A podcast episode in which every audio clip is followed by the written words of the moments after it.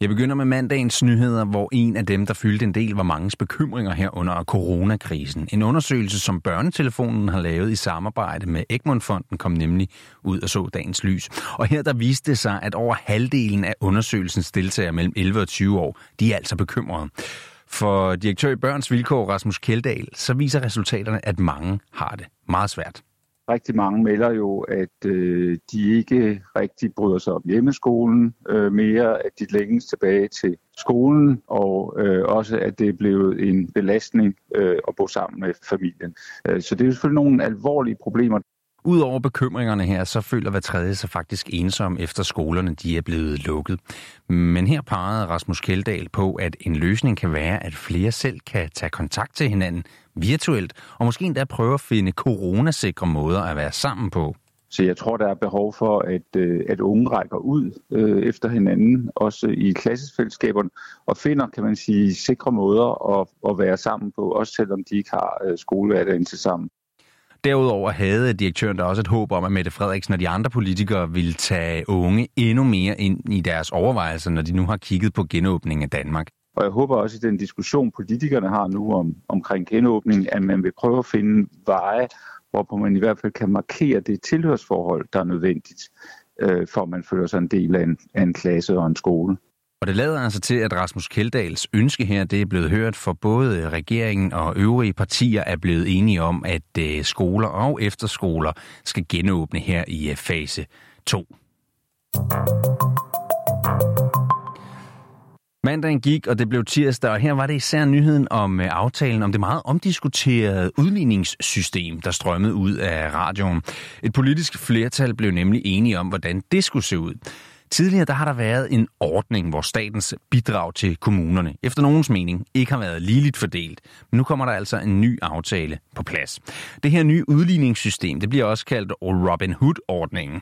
Det er et system, hvor de rigeste kommuner skal sende penge til de fattigste kommuner. Og øh, det skal være med til at sikre, at pengene de bliver fordelt mere jævnt mellem øh, kommunerne, der rent faktisk har brug for dem. Men det er jo ikke alle borgmestre, der er lige begejstrede for den her aftale. Især ikke dem, der skal af med penge.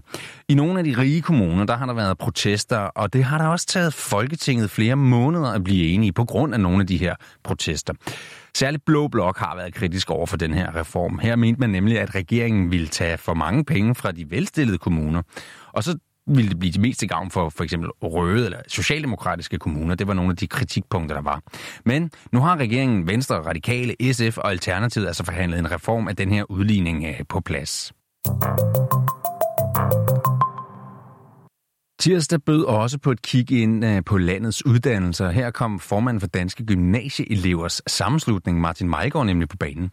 Han mener, at vores politikere herhjemme bør sikre, at flere kommer til at blive optaget på en uddannelse efter gymnasietiden, nu hvor der er coronakrise og mange job forsvinder.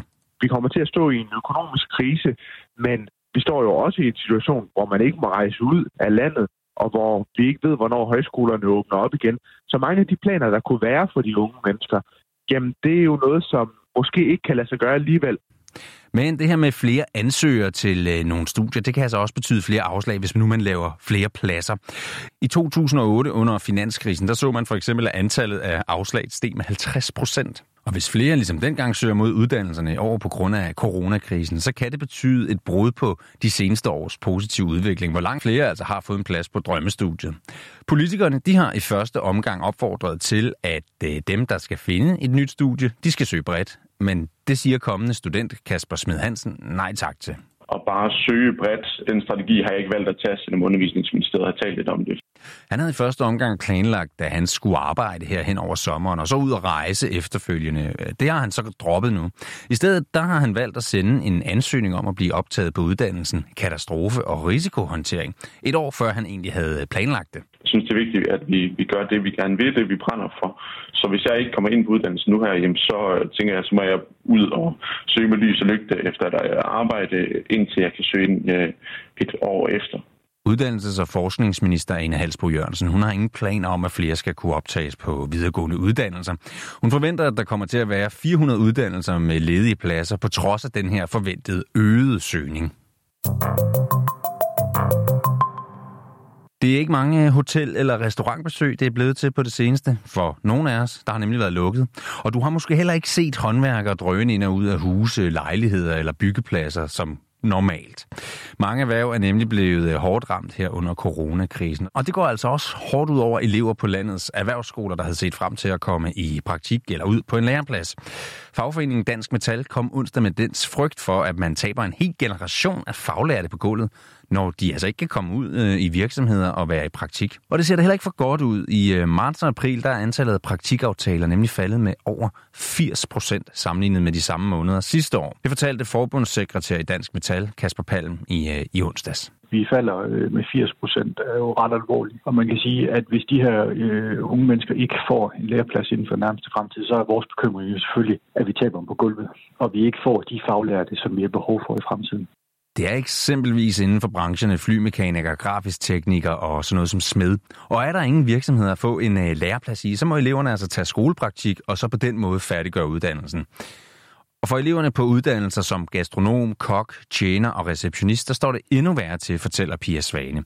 Hun er uddannelseschef i hoteller og restauranternes organisation Horesta. Og her har man altså været rigtig, rigtig hårdt ramt af coronakrisen. Det er meget alvorligt. Vi, vi har et fald på 93 procent. Det er et symptom på en branche, der er i knæ, og den er lukket. Der bliver uddannelsesaftaler og praktikaftaler bare endnu et symptom på en branche, der er fuldstændig lagt ned.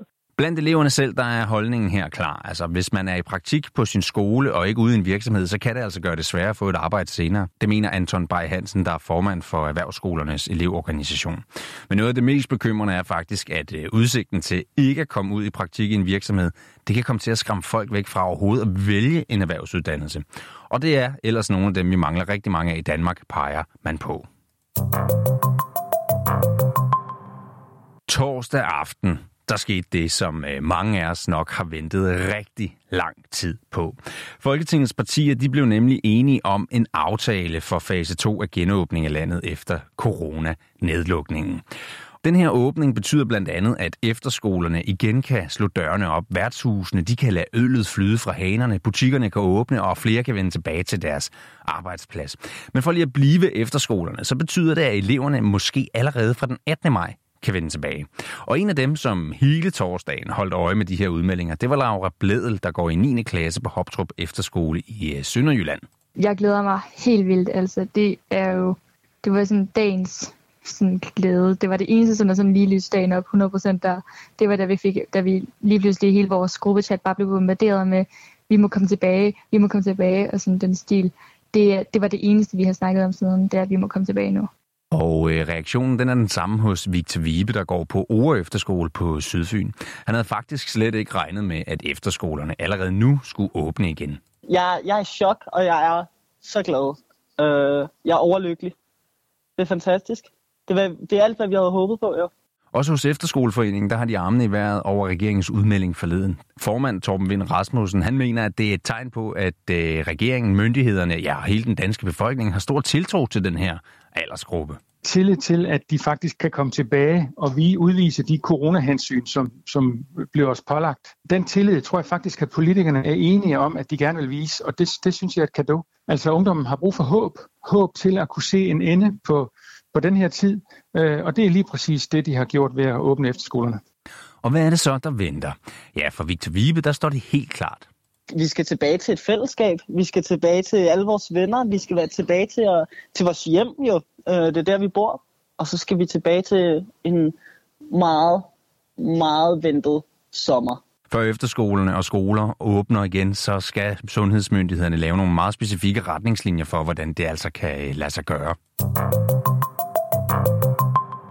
Og det er altså ikke kun efterskolerne, der har noget at se frem til, som jeg lige nævnte. De ældste elever fra 6. til 10. klasse på landets almindelige skoler må nemlig også forberede sig på at vende tilbage.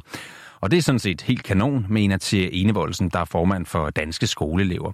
Hun peger endda på, at hun og hendes medelever er klar til at yde den her indsats, det kræver at passe på hinanden, og som sundhedsmyndighederne kommer til at kræve, for at den her åbning kan lade sig gøre. Og alle er faktisk meget pragmatiske omkring det der med, at vi selvfølgelig også har nogle retningslinjer, man skal overholde, og stemningen er klart, at man vil gøre, hvad der skal til, fordi man vil ikke risikere at komme væk fra klassekammeraterne igen.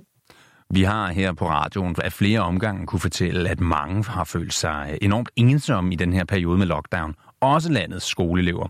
Og det billede har Thea Enevoldsen nemt kunne genkende. Altså hvis jeg havde en femmer for hver medlemshenvendelse, øh, jeg har fået i løbet af de her efterhånden mange uger på elever, der fortæller, at de bare gerne vil have en lille bit smule hverdag tilbage, og bare gerne vil se deres klassekammerater en smule i øjnene igen, altså så vil jeg jo næsten være millionær. Og derfor så glæder hun sig jo over, at der nu er retning mod det, der minder om en normal hverdag igen. Jeg runder af med et kig på fredagen, for øh, vi skulle da kun lige gå i seng med nyheden om en genåbning fase 2, før politikerne de trådte ud fra en forhandling med en ny aftale i hånden. Og her stod der fredag morgen, fase 3, plan aftalt. Og den indebærer blandt andet, at museer, teatre, højskoler, zoologiske haver kan begynde at slå dørene op fra den 8. juni. Samtidig der bliver forsamlingsforbuddet på 10 personer hævet til op mod 50 fra den dag også. Du må dog lige vente lidt nu med at kridte danseskoene og drage på diskotek, ud og høre musik eller andet, fordi øh, den slags steder vil nemlig være lukket hen over sommeren og frem til genåbning fase 4. Og den kommer efter planen til at blive sat i værk til øh, august. Det var denne uges kollektion af nyheder. Jeg er tilbage med et overblik over næste uges nyheder i næste weekend.